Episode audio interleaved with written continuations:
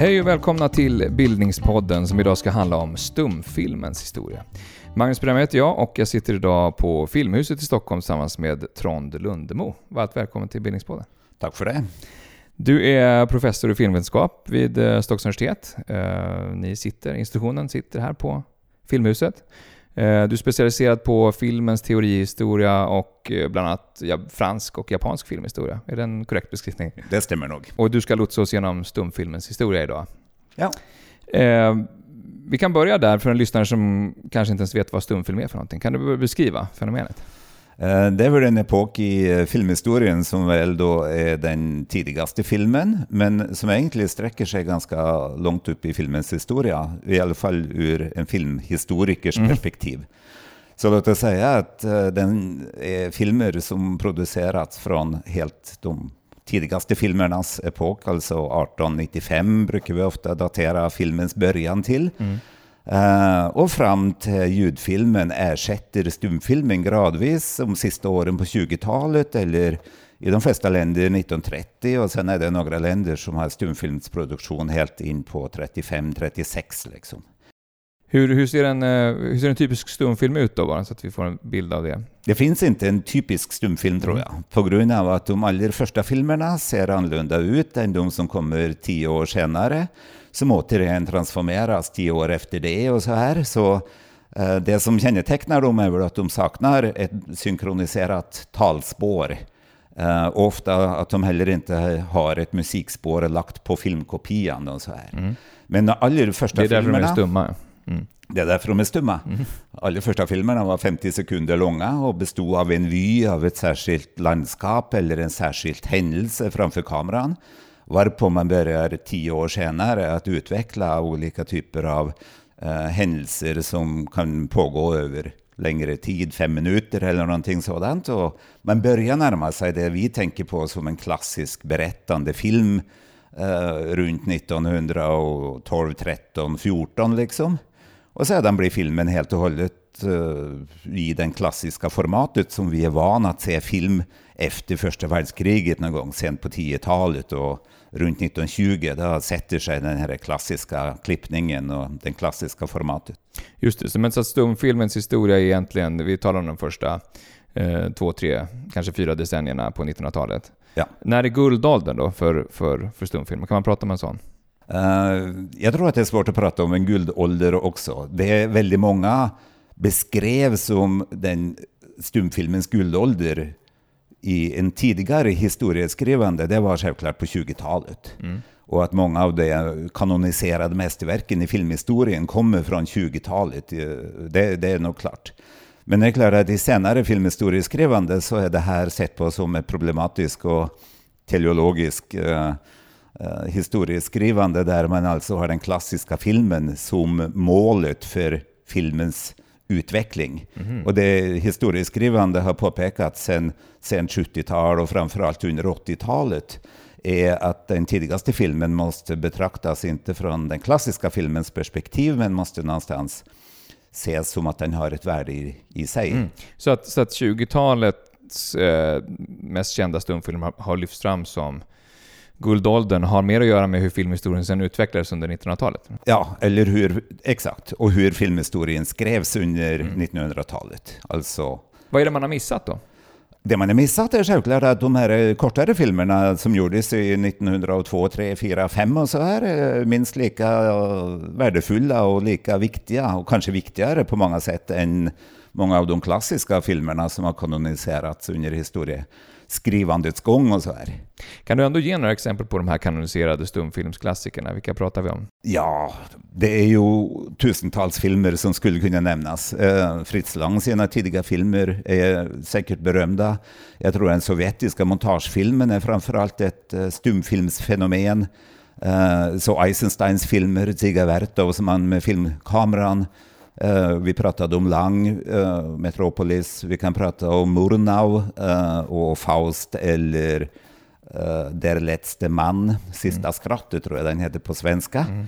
Um, den franska filmen till Jean Epstein, Germaine Dulac och flera andra är självklart... Ja, du, kan, du kan hålla på en timme. Jag kan hålla på i många timmar tror jag. Några svenska exempel då?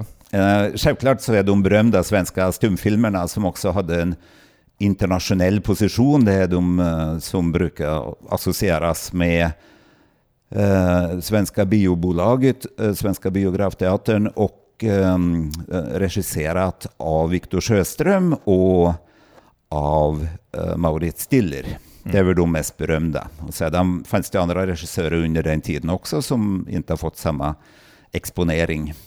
Jag tänker i Sverige, är i, många av de här filmerna som är, har litterära förlagor, Kör, Karlan, Gösta Berlings saga och så vidare. Är det, är, är det ett internationellt fenomen?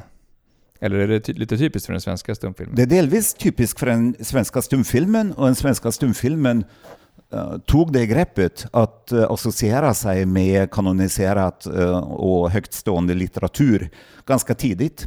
Och det var en affärsstrategi som producenten på Svenska Bio, Charles Magnusson, hade från och med 1916 framför allt och filmatiseringen av Ibsens Terje Vigen, att man skulle någonstans knyta filmen till litterära förlagor. I tillägg till att han eh, började producera filmer som var mycket mer kostsamma och som det kunde ta ett halvår eller ett år att producera, någonting som inte var vanligt på 10-talet i den utsträckning. Så det är någonting som kännetecknar en svenska stumfilmen och det som ibland kallas, kanske felaktigt, guldåldern. För folk påpekar självklart att när man pratar om guldålder så är det någonting som blir mindre värt, uh, som, ja, ja, som ignoreras kontrast, ja. då. Mm. Ja man hör ju direkt på exemplen du nämner här att det är, det är Frankrike och det är Japan och det är Sverige. Det är en, det är en global filmbransch ändå så här tidigt på 1900-talet. Om du skulle säga under storhetstiden då, ja. eh, vilka länder var de stora stumfilmsproducenterna?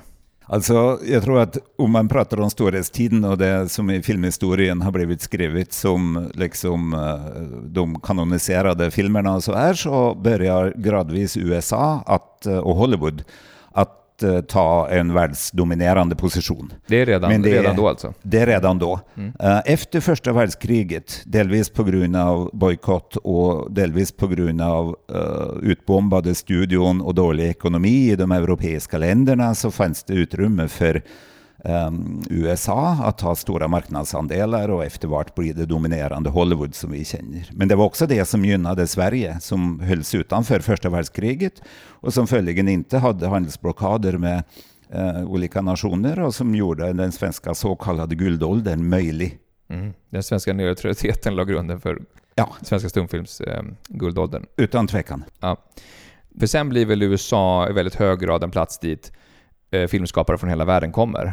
Ja. Eh, men, men vid 20-talet så är det, är det en huvudsakligen amerikansk produktion. Ja, men USA börjar redan få ett eh, ja, börjar få regissörer från andra länder än tidigare. Redan efter första världskriget? Redan efter första världskriget. Alltså folk som kommer på grund av studiornas ekonomiska möjligheter och produktionspotential och så här. Mm. Så vi kanske känner mest uh, europeiska regissörer som kommer och flyr från primärt nazismen. Um, men det var flera som Ernst Lubitsch som var en stor uh, framgångsrik uh, tysk uh, regissör på sen 10-tal och tidigt på 20-talet. Han kommer ganska tidigt till USA. Mm. Och inte på grund av att han är förföljd på grund av sin etnicitet eller någonting sådant. Utan för att det är, det är Hollywood det börjar hända redan vid den här tiden? Det är, det Hollywood där det börjar hända och de har liksom produktionsmöjligheter och villkor och antagligen ekonomiska villkor som uh, man inte har i europeiska länder på den tiden. Mordna är ett annat namn som kommer mitt på 20-talet eller ja, som inte kommer på grund av att man förföljs av regimer. Mm. Mm. Vi ska ju fördjupa i, i oss i, i, eh, allt vad stumfilm heter under här timmen. Men det kanske, värt, kanske kan vara värt att säga någonting om filmens historia generellt först. Alltså hur, först och främst, hur gammalt är filmen som, som medium? Alltså man brukar räkna filmens början till 1895 och en första visning den 28 december på Grand Café i Boulevard du Capucine i Paris. Det var väldigt specifikt. Ja. Det är mm. väldigt specifikt. Det är liksom uh, filmhistoriens Big Bang. Och den är självklart uh, det är en historieskrivande som är utmanat på grund av att många påpekar att det var filmvisningar innan dess. Det stämmer. Det var också betalande publik innan dess, men det var med en delvis annan teknik och allt det där i tillägg till att man självklart också hade individuella filmvisningar i former av tittskåp. Till exempel Edisons kinetoskop var en sådan filmform som inte projicerades. Men uh, jag, jag, tycker att det finns skäl för att någonstans uh, faktiskt hålla fast vid den här kanoniserade datumen mm. i Paris. Du vill helst inte prata om en kanoniserad guldålder, men, men den här, det här tillfället är ändå värt att hålla fast vid. Ja. Och det är alltså bröderna Lumière då, som du redan har nämnt. V vad är det som är speciellt med det här första tillfället då? Det här första tillfället är, alltså delvis så är det alltså att man har en betalande publik och det finns uh, visningar för olika ingenjörer och fotografiexperter och de som arbetar med fotografi, fotografisk teknik och så här tidigare. Så det har varit många visningar av rörliga fotografiska bilder förr, men man kan säga att det som är speciellt med det här tillfället är inte att det är första gången man visar film, tvärt emot.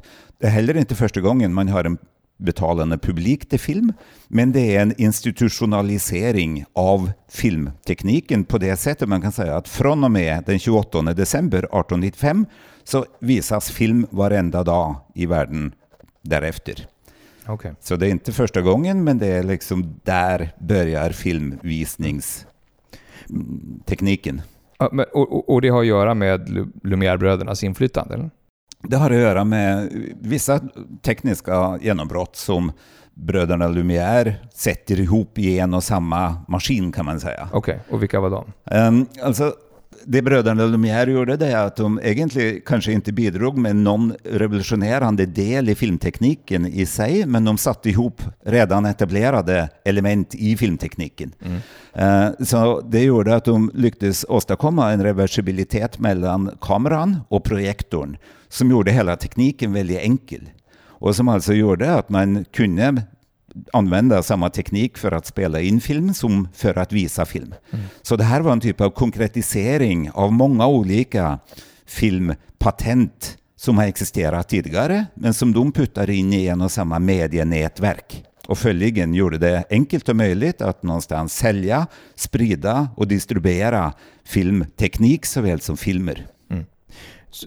hur långt är steget från det Lumière-bröderna redan gör här och det som sen blir en, en kanoniserad guldålder på 20-talet i det som kanske många tänker på när man säger stumfilm. Ja. Alltså, kan du beskriva den utvecklingen lite översiktligt sådär? Alltså steget är väldigt stort. Bröderna Lumière uh, klippte inte i sina filmer. Distributörer kunde klippa ihop filmerna i efterhand och sånt som är där, men de första filmvisningarna bestod av ungefär 50 sekunder långa filmtagningar. Det kända exemplet är ett, tåg som anländer till en station. Det är ett väldigt berömt exempel, mm. precis. Och det sägs att publiken hoppade undan eller skrek för att de trodde att tåget skulle åka in i salongen i stort Ex Exakt, det är en typ av ursprungsmyt för den västliga filmen i alla mm. fall mm. och för, uh, för den realistiska filmen. Men nej, de flesta håller med, de flesta filmhistoriker håller med om att det nog aldrig ägde rum. Mm. Ett fåtal påpekar att jo, vi tror att det hände, men om flertalet, så vitt jag kan förstå, menar att det här är en myt. Ja, det är en bra historia om inte annat. Men det, är, den typen, av, den typen av, av filmer som Lumière-bröderna visade. Ja, mm. alltså det, den myten berättar är ju självklart idén om att folk blir helt uppslukt i filmen. Ja, det. Att det är en identifikation med det man ser. Alltså att uh, filmen är som världen själv, totalt realistisk. Mm. Och det är liksom den ursprungsmyten som har blivit följd upp och där man har någonstans tolkat in en framgång i filmen när den liksom eftervart får mer och mer imponerande effekter och sådana saker. Mm, mm. Men de här filmerna klipptes ju inte och det är just genom klippet, alltså att man går från den eh, enkeltagningsfilmen till multitagningsfilmen som den stora skillnaden kommer och där man gradvis då börjar utveckla olika Ehm, attraktionseffekter där man har trickeffekter som hos uh, Méliès är den mest berömda kanske som börjar klippa i filmer för att göra trickfilmer som vi ofta kallar dem. Mm. Och där man eftervart utvecklar sätt att berätta på uh, och narrativa strukturer genom att man klipper helt enkelt. Är det både dokumentärt och liksom fiktivt innehåll då? Både och, ja. exakt. Mm. Uh, man diskuterar när är den första fiktiva filmen och så här, men jag tror att även de här tidigaste filmerna till bröderna Lumière så som blomstervattnaren som blir vattnat av, ja, mm. Uh, av sig själv eller något sånt. En uh, liksom arrangerad scen som kan beskrivas som ett mininarrativ i en fiktiv setting eller någonting sådant. Så uh, dels liknande strukturer, både i det vi traditionellt tänker på som dokumentärt eller icke-fiktivt och mm. det fiktiva. Okej. Okay. Om vi då tänker oss eh, en spel, det som börjar likna en spelfilm av idag, så att säga, fast på, ja. eh, som stumfilm, ja. eh, med en, som berättar en fiktiv historia eh, med skådespelare. När börjar de filmerna dyka upp? De började dyka upp, vill jag säga, typ 1912-13 och eftervart eh, etableras genom vissa koder och vissa eh, konventioner runt 1915, 16, 17. Däromkring vill jag säga. Det är det vi som i filmhistorien ofta kallar den narrativa integreringens period. Okej. Okay. Och, och, och, vad menar man? Vad är det som integreras? Um, man uh, integrerar alltså vissa sätt som blir konventioner för att förstå vad det är som berättas. På, på film? Så, på film. Så mm. analytisk klippning, alltså det att man klipper en plats där, en plats där, förstår vi eftervart att det här händer samtidigt. Så en sån, eller att uh, den här... Parallella scener. Precis, mm. parallella scener eller den här tagningen och sen följs av den där tagningen så ser vi den som en fortsättning på den förra tagningen. Så det är att vi lägger in en viss linearitet, att vi förstår ett temporalt förhållande mellan de olika klippen och sådana saker. Det är en del av den narrativa integreringen. Så egentligen är det väldigt mycket av det vi tar fullkomligt för givet idag när vi tittar på en tv-serie eller på en spelfilm på en biograf eh, sätts egentligen under de här åren. Exakt. Det är någonting som uh, har existerat i gott över hundra år. Mm. Mm. Går, går det, det, går snabbt? Det går väldigt snabbt under den här tiden. Mm. Exakt. Det har delvis att göra med en viss dominans till uh, vissa länder. Alltså USA utvecklar ett produktionssätt som är strömlinjeformat och som kräver vissa redan etablerade konventioner för att kunna producera film så snabbt och effektivt som möjligt. Därför är det praktiskt att ha det. Eh, men det har självklart att göra med att det finns innanför en västlig, västeuropeisk eh, produktionskontext där det är vissa berättarmönster, där det är vissa mm, narrativ, där det är en viss litteraturhistoria, en viss teaterhistoria och sådär som redan är etablerat. Mm. Så filmen, oavsett om den är omedelbart internationell och visas över nästan hela jordklotet i loppet av några månader efter bröderna Lumières visning så kommer de flesta av de tekniska innovationerna så är trots allt från en västlig eh, kontext. Just det.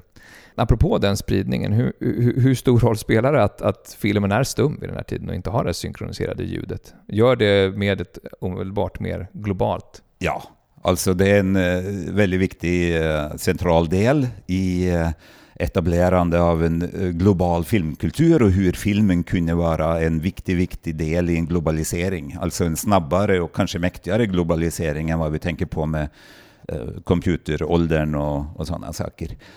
Och det var självklart på grund av att man enkelt, när filmerna var berättande och hade eh, textplakater inemellan, alltså mellantexter, eh, så kunde man enkelt från land till land bara klippa ut den eh, sekvensen där textplakaten stod och ersätta den med en textplakat på sitt eget språk.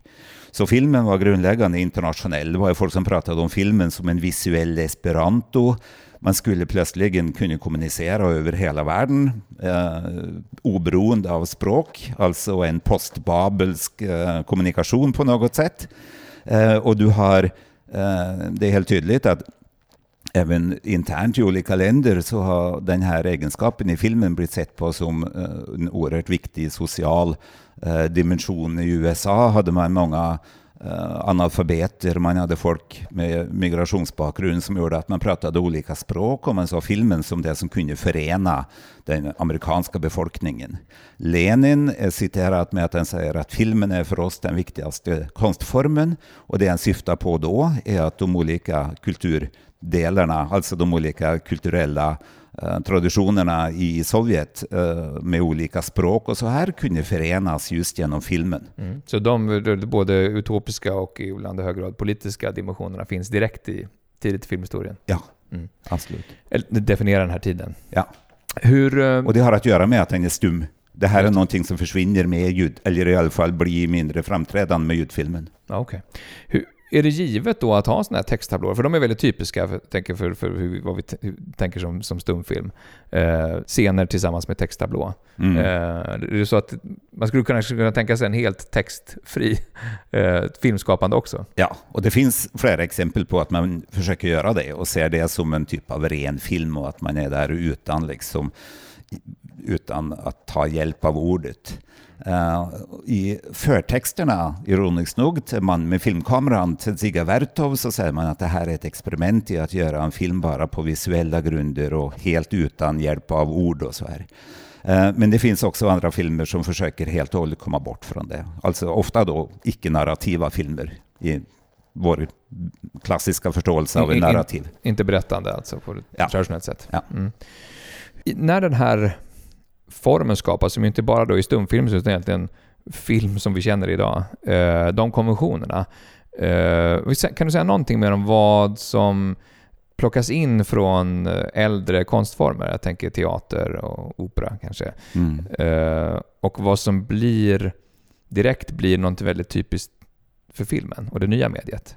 Det är självklart en pågående diskussion under den här eh, perioden där man börjar skriva filmteori utifrån eh, vad som eh, ibland kallas ett, eh, ja, ett komparativt estetiskt perspektiv.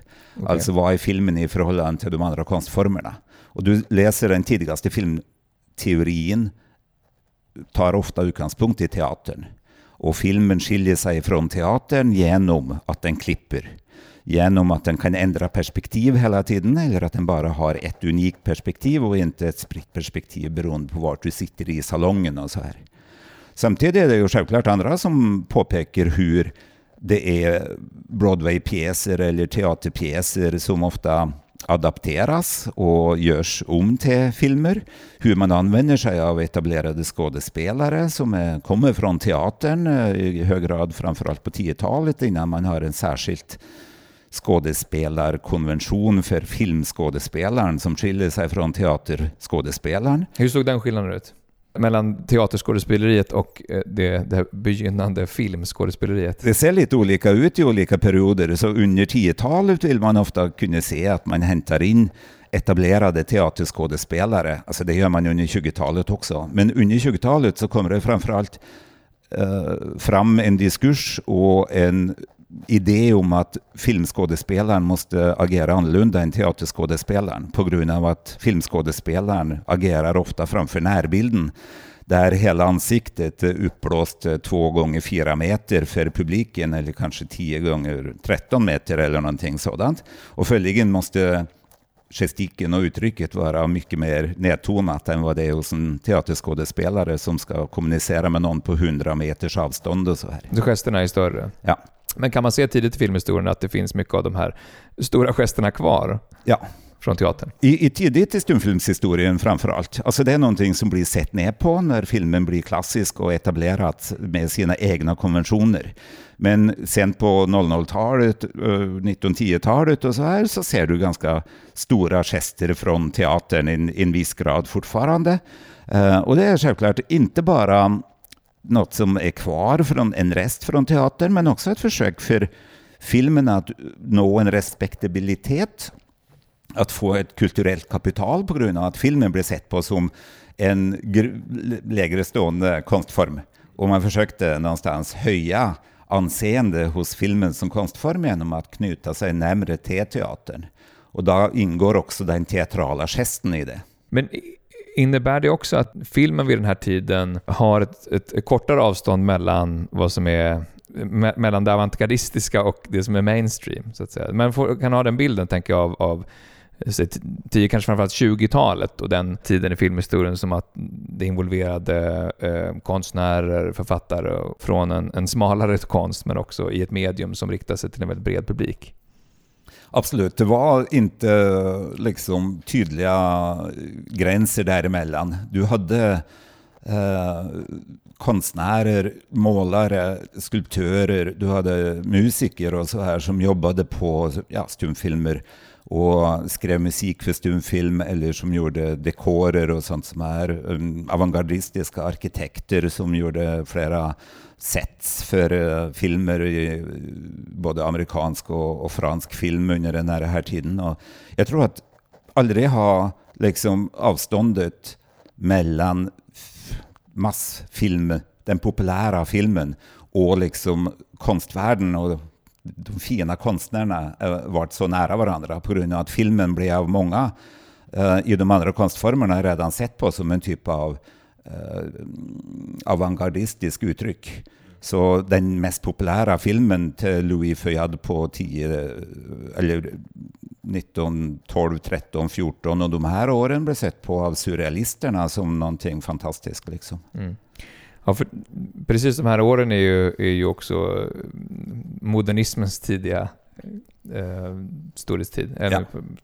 Eh, och och där, det finns starka kopplingar mellan den konsten och, och filmen vid den här tiden. Det vill jag säga, absolut. Mm. Det är flera skulptörer, målare, musiker och så här som söker sig till konsten. Det finns många exempel i Frankrike som till exempel Fernand Léger uh, gör en film som heter Ballet Mécanique och där han tar Georges Antey som uh, gör musikspåret till den filmen och så här. Som, det, det är konstnärer inom avantgarde-fältet på andra konstfält som söker sig till filmen och börjar göra filmer. Mm. När du nämner musik nu, hur, hur, um, hur ser musikens eh, roll ut för, för eh, stumfilmen? I stumfilmen så brukar man som regel nästan alltid ha musik till. Uh, det finns en kliché, som man säger i filmhistorien, om att silent cinema was never silent. Mm. Uh, men det var den ibland. Ibland var det delar av programmet och vissa filmer som visades helt stumt. Men som oftast och som regel och i tilltagande grad under 20-talet och så här självklart så visades så gott som allt med ett musikakkompanjemang. Mm. Och då var det musikakkompanjemang på plats i på, biografen? På plats i biografen, mm. exakt. Uh, det finns undantag där du faktiskt kunde spela inspelat musik från en skiva och sådana saker också. Mm. Men uh, som regel så hade du allt från en enskild pianist, ofta var det i en västlig kontext i alla fall, just en pianist, till eh, en hel orkester som sitter och ackompanjerar filmerna. Och så mm. Hur stor kontroll hade filmskaparna över vilken musik som spelades? Eller hur stor kontroll såg man till att ha? Vid den? De, det beror på vilka ekonomiska medel man hade. Man kan säga att de stora produktionerna ofta också kunde ha ett specialskrivet eh, partitur. Mm. Så att eh, där fanns det en musik, till exempel flera av den svenska stumfilmens eh, eh, sena tiotalsproduktioner och så här har ett eh, skrivit skrivet musikstycke till den.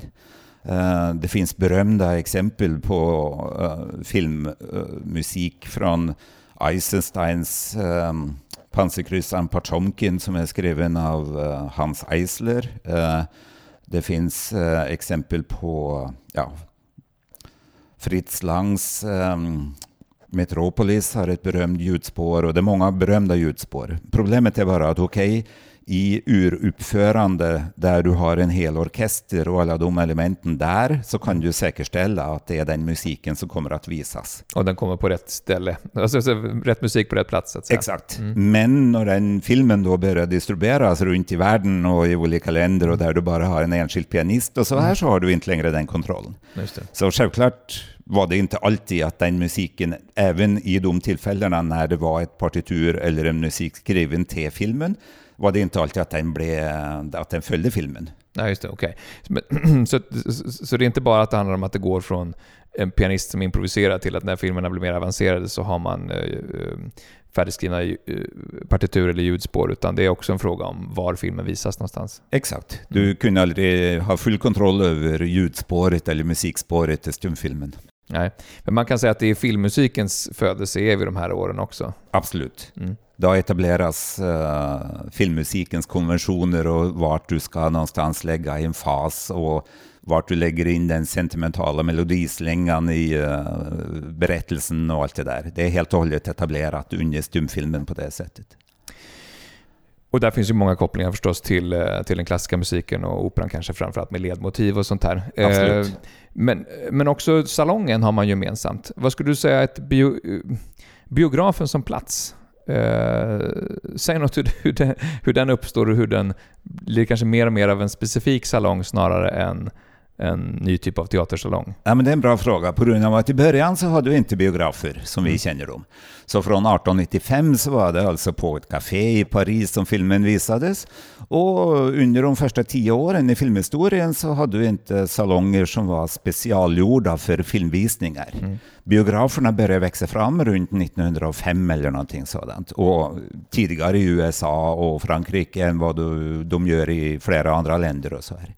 Så film visades inte i specialiserade rum. Ofta så var film någonting som flikades in mellan olika vaudeville-program och där kommer någon och sjunger, sen kommer en illusionist och gör sina tricks och sen kommer det filmklipp och sen kommer någonting annat. Mm. Så det var inte filmprogram på det sättet i de allra tidigaste åren. Men när filmen då efteråt börjar etableras i ett eget rum med biografen som vi känner den och sånt som är där, eh, så får du ofta ett försök på att höja den här underhållningsformens status genom att man bygger biopalatser. Man lägger väldigt stora eh, pengar på eh, utsmyckningen och på arkitekturen och hela upplevelsen i biografrummet och så här. Mm. Det är också på grund av att de här första tio åren så blir filmen ofta förstått i många länder som ett arbetarklassnöje, eh, inte ett medium för den bildade eliten, mm. så som den är på teatern eller på operan och konserthallen och sånt som är där. Så man försöker någonstans nå den publiken genom, att, genom arkitektur och genom eh, ja, kostnader helt enkelt attrahera en medelklasspublik åtminstone. Så även här kan man säga att det handlar om att eh, successivt höja filmens eh, status och samtidigt så skapar man också filmen som medium i, egen rätt i ännu högre grad. Exakt. Men visste du så att man, det finns en omvänd påverkan också mot teatern? Att teatersalongen blir mer och mer lik biografen med det nedsläckta och ljuset och sånt där. Um, jag är inte teatervetare, men det, det, gör det helt säkert. Alltså det finns flera exempel på att man infogar filmklipp på teatern också. Mm, mm. Som jag sa så var det ju uh, vaudeville och illusionisttricks uh, program och föreställningar där filmen först visades och så här. Och eftervart så började filmen bli ett integrerat del i, i, eller inte integrerat i alla fall, men bestod som en del av en, ett teaterprogram eller någonting sådant. Så uh, en uh, film, avantgardfilm som René Clairs Antirakt uh, eh, spelade uh, som en del av en dansföreställning, den svenska balletten. Eisensteins första film Gloomovs dagbok heter den. var en del av en teaterpjäs som han eh, var med och gjorde och där han alltså hade regisserat en 10 minuters eller 8 minuters film eller någonting sådant som visades integrerat eller i det programmet. Så filmen tog också plats i teatern. Mm. Tanken där är väl annars att just filmproduktionen kräver en mörkare salong och att det skulle ha inspirerat... Eh, Exakt. Mm. Det nedsläckta rummet var nödvändigt självklart. Samtidigt så tänker vi på biografrummet som ett väldigt disciplinerat och ordnat rum och det som många har påpekat är att de här allra tidigaste åren så var det massa prat och massa interagerande i publiken och det var inte tyst och det var kanske inte alltid helt nedsläckt heller. Liksom. Så det var en lite mer um, fri och uh, odisciplinerat uh, visningskontext än vad vi är van vid i biografen idag. Även för den tidiga filmen alltså? Ja. Mm. Um, Eller framförallt med den tidiga filmen och med den klassiska filmen så får man mera det nedsläckta rummet och ja, idén om en ideal visningskontext. Just det, men jag tänker att det är likheter med teatersalongen äldre i historien också. Ja. Mm. Jag tänker att den svenska bilden av, av den svenska stumfilmen är att den var väldigt framgångsrik internationellt. Stäm, hur, hur väl stämmer det? Alltså den var framgångsrik internationellt under en kort period som vi ofta betecknar, beskriver mellan ja, 1916 till 1920. Några vill säga 22 eller någonting sånt. Men längre ut på 20-talet så hade inte längre den svenska eh, stumfilmen den position internationellt som den hade under de här åren. Mm. Och regissörerna som gjorde filmer då, som Stiller och Sjöström, åkte också till Hollywood och gjorde inte film i Sverige längre. Eh, men, men hur, hur, hur framgångsrika blev deras karriärer i Hollywood? Um, inte alls i fallet Stiller. Uh, mm. Mycket, eller rejält i alla fall, i fallet Sjöström. Mm. Så han gjorde ett antal filmer som blev stora framgångar i Hollywood och, och sådant, medan Stiller inte lyckades med det.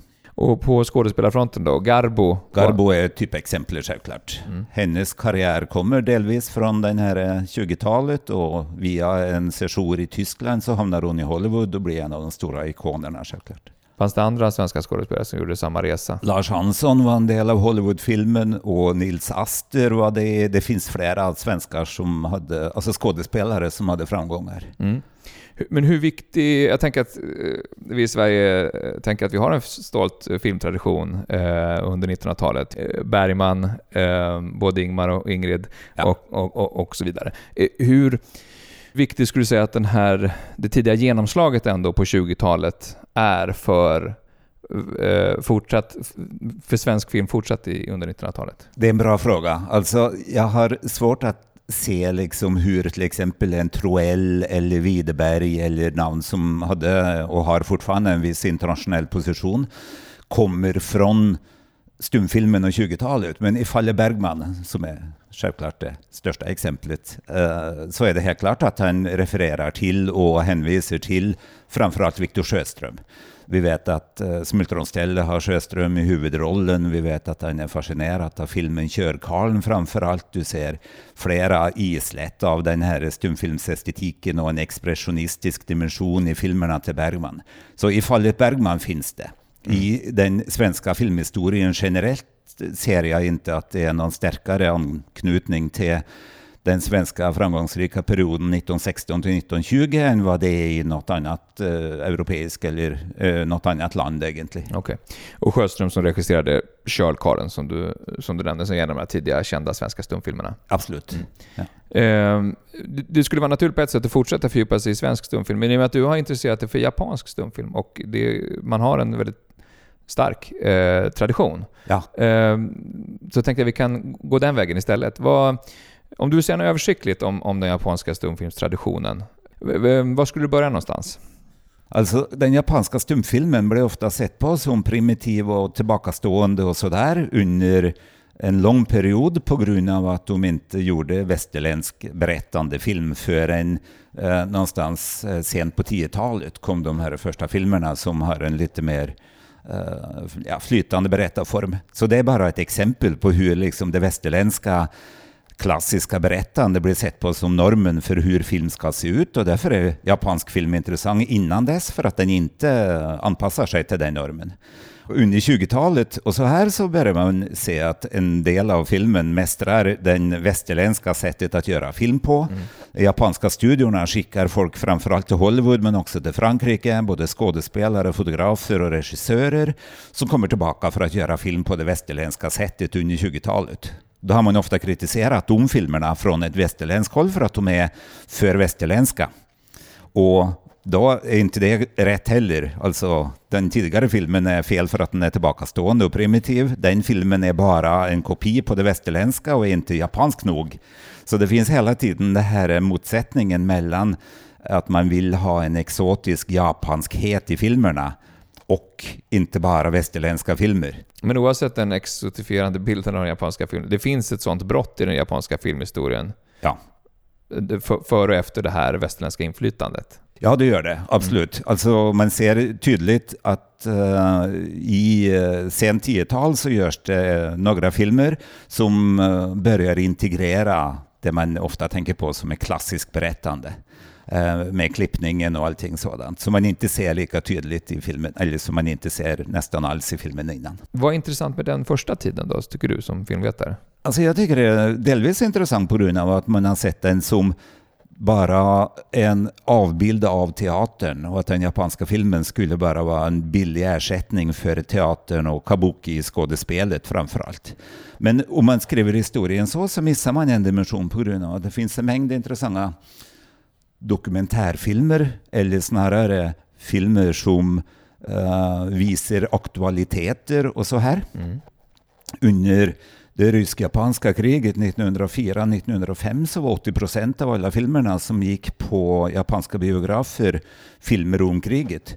Alltså rekonstruerade dokumentärer, även om dokumentärbegreppet inte fanns någonstans i 1905. Så det, det är en helt annan filmkultur som är intressant för att se som hur, vad händer med en västerländsk teknik när den kommer i en annan kulturell kontext. Eh, men också att förstå hur man anammar filmen på eh, ett annat sätt i, eh, i Japan. Mm. Vilka är de mest framstående japanska regissörerna och viktigaste filmerna under den stumfilmsperioden? Alltså den sena stumfilmsperioden är det fortfarande, alltså många av de här regissörerna som har blivit kanoniserat gjorde stumfilmer i, tidigt i sin karriär. Mm. Så Ozu Yasujiro uh, gjorde en högt antal stumfilmer innan han började göra sin första ljudfilm i 1936-1937. Mm. Uh, på grund av att stumfilmen existerade alltså längre i Japan. Uh, Mizoguchi gjorde stumfilmer tidigt.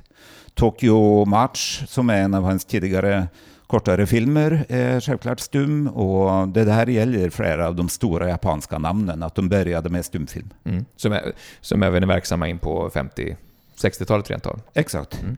Hur, hur kommer det sig att stumfilmen har en längre historia i Japan?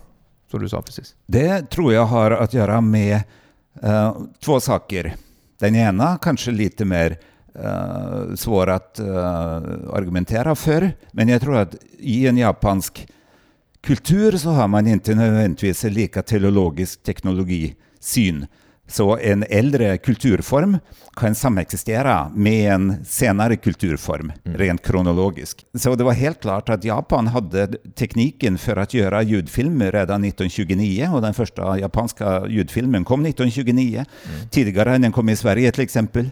Så de kunde göra ljudfilmer, men de gjorde fortfarande stumfilmer parallellt med ljudfilmer mm. och primärt stumfilmer fram till 1935-1936. 1936 är det året Japan har fler ljudfilmer producerat än stumfilmer. Mm. Och det är ovanligt sent. Det har delvis att göra med att jag tror att man inte har en västerländsk teknologiprogression i botten i en japansk kultur, men att det gamla kan samexistera med det som har kommit senare. Mm. Den andra saken är att Japan hade en unik tradition med en berättare till stumfilmen, så kallat benshi. Mm som är en berättare som förklarar kontexten för filmen, men som också läser dialogen och tillägger dialog och låter alltså folk eh, säga saker som inte nödvändigtvis finns i mellantexterna och sådana saker. Men där han också är en kommentator, han eller hon, en kommentator där de diskuterar de moraliska och politiska innebörderna i filmen vi ser och så här. Alltså mm. de tolkar filmen samtidigt som de läser dialogen och också berättar varför folk gör som de gör och så här. Den här Benshin blev en så oerhört uh, viktig figur i den japanska filmen att uh, de ofta var mycket större stjärnor än skådespelarna, mm. större än regissörerna och så här. Så folk gick på bio för att se en viss Benshi berätta historien som vi ser nu och så här. Påverkade det hur filmerna gjordes då också? Ja, det gjorde det faktiskt. På grund av att um, Benshin hade så pass stor makt över hur en film eller ett produktionsbolag gjorde sina filmer, att de ville ha ett långsamt tempo, uh, inte alltför intrikata berättarstrukturer och så här som tillät, tillät dem att någonstans utbrodera vad det är som händer. Mm. Gav utrymme åt dem som tolkare och berättare snarare än att allt skulle någonstans berättas av filmen själv. Så det påverkade hur filmen gjordes. Så det är mer än att sätta ljud på skådespelare som inte då kan tala genom filmmediet ännu, eh, utan också det var det och ja. Det är delvis det att det är en protoljudfilm, plötsligen hör vi karaktärerna tala. Uh, genom Så Benchin imiterade? Benchin imiterar och lånar, har alltså olika röstlägen till de olika karaktärerna i filmen. Mm. Pratar då med en damröst och då med en barnröst och då med en skurkens röst och sådana saker.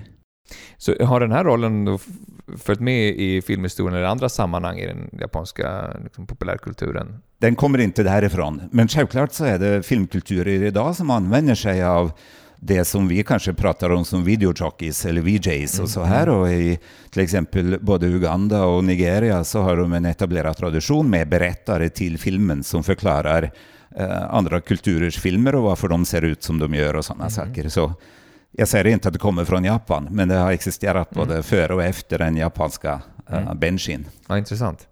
Att den japanska stumfilmstraditionen är eller epoken är, är längre och överlappande. Gjorde det, att, gjorde det någon skillnad för hur filmen utvecklades senare under 1900-talet i Japan?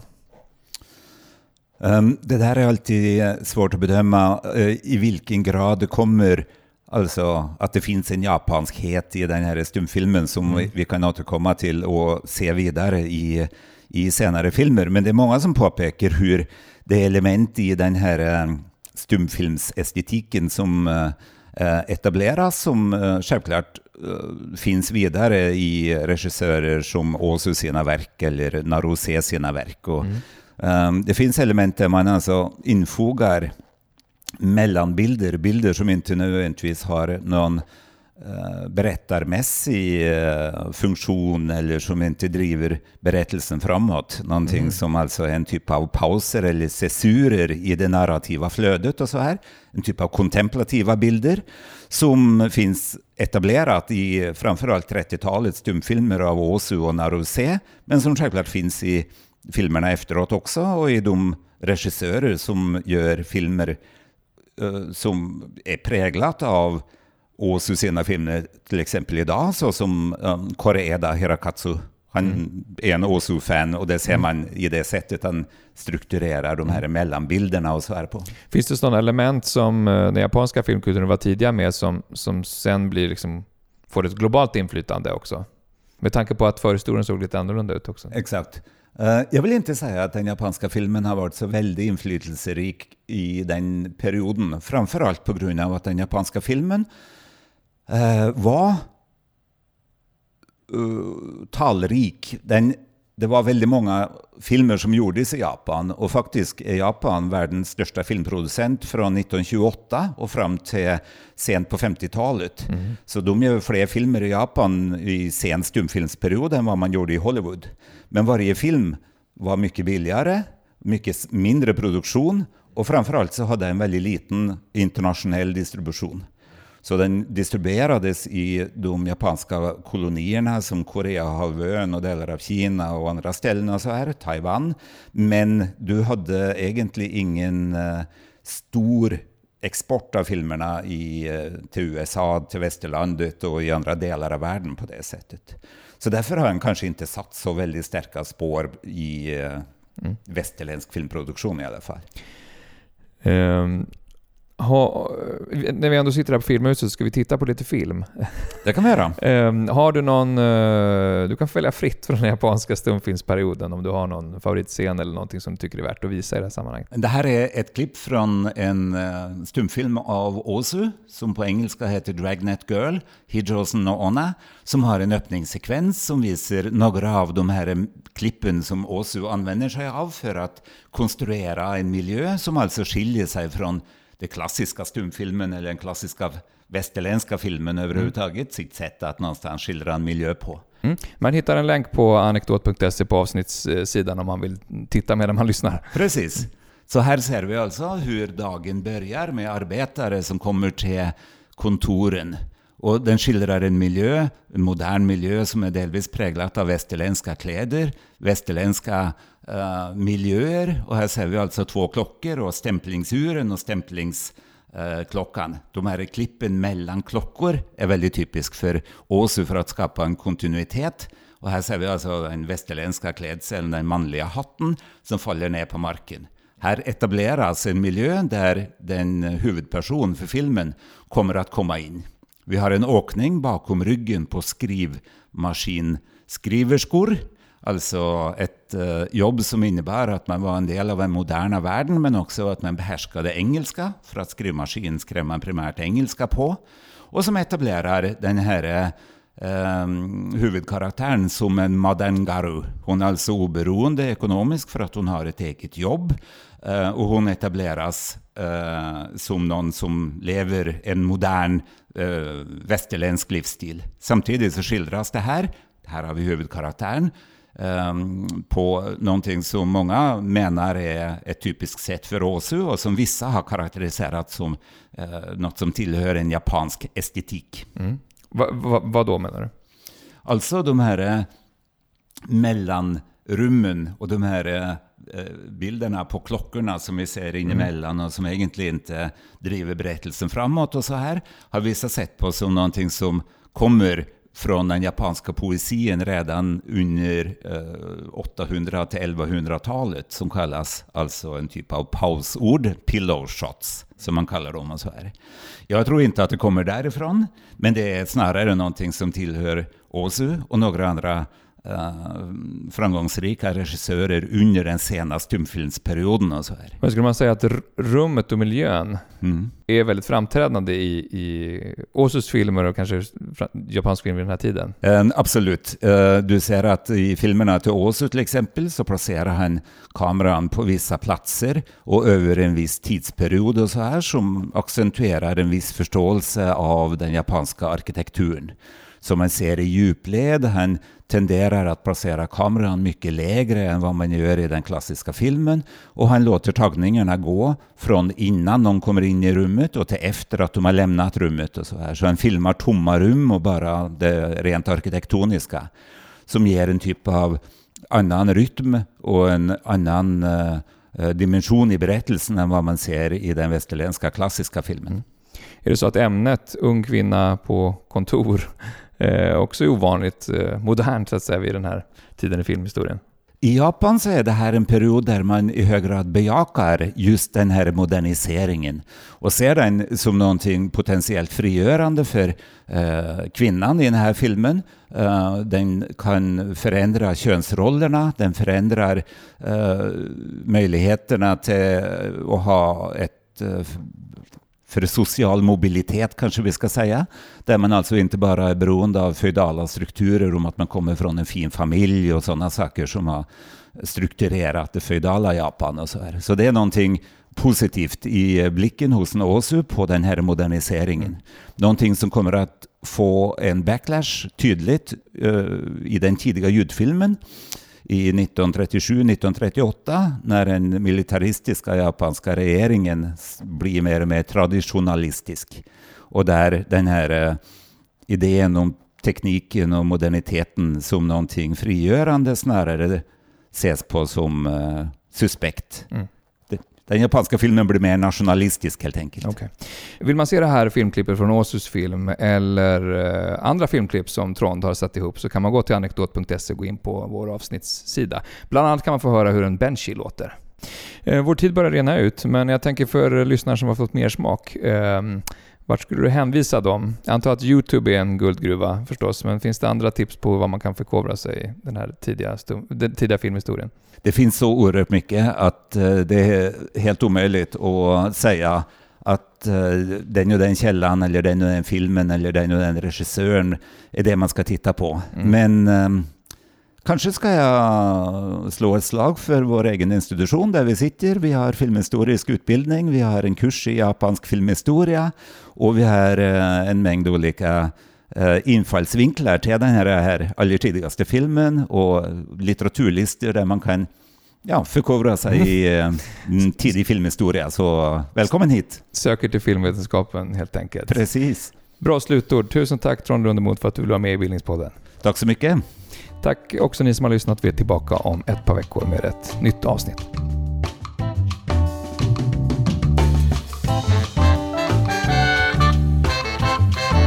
Du har lyssnat på Bildningspodden, en del av bildningsmagasinet Anekdot. Fler poddar, filmer och essäer hittar du på anekdot.se.